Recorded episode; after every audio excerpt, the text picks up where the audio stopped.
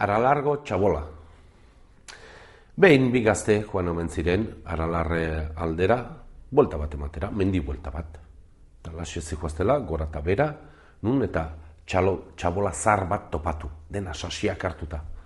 Hasi ziren, sasia kentzen, eta bi gazteetatik batek hartu zen giltza bat eta txabola zabaldu. Berea baitzen txabol hori.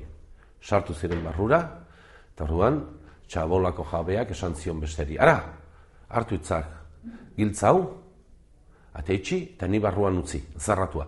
Eta giltza gero itxasora bota alik eta urrutien. Eta, tipua, bueno, ala zuen.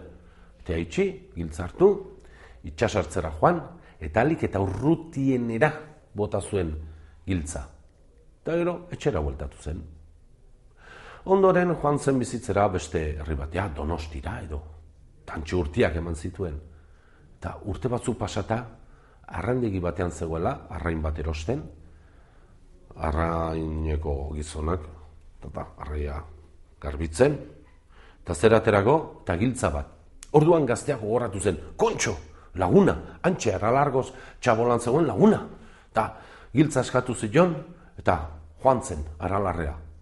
Txabola zabalu, eta antxe, zegoen bere laguna, lasai asko, eta ze, zer muz, egon duaiz, ba, primeran, primeran, arazo ondirik gabe, ba, xagutxo batzuk, ba, arazo batzuk sortu dizkiate, baina gauza ondirik ez. Eta hor, belarrian, balako koska batzuk bazituen, eta belarri puska falta xagutxoa jan omentziotelako.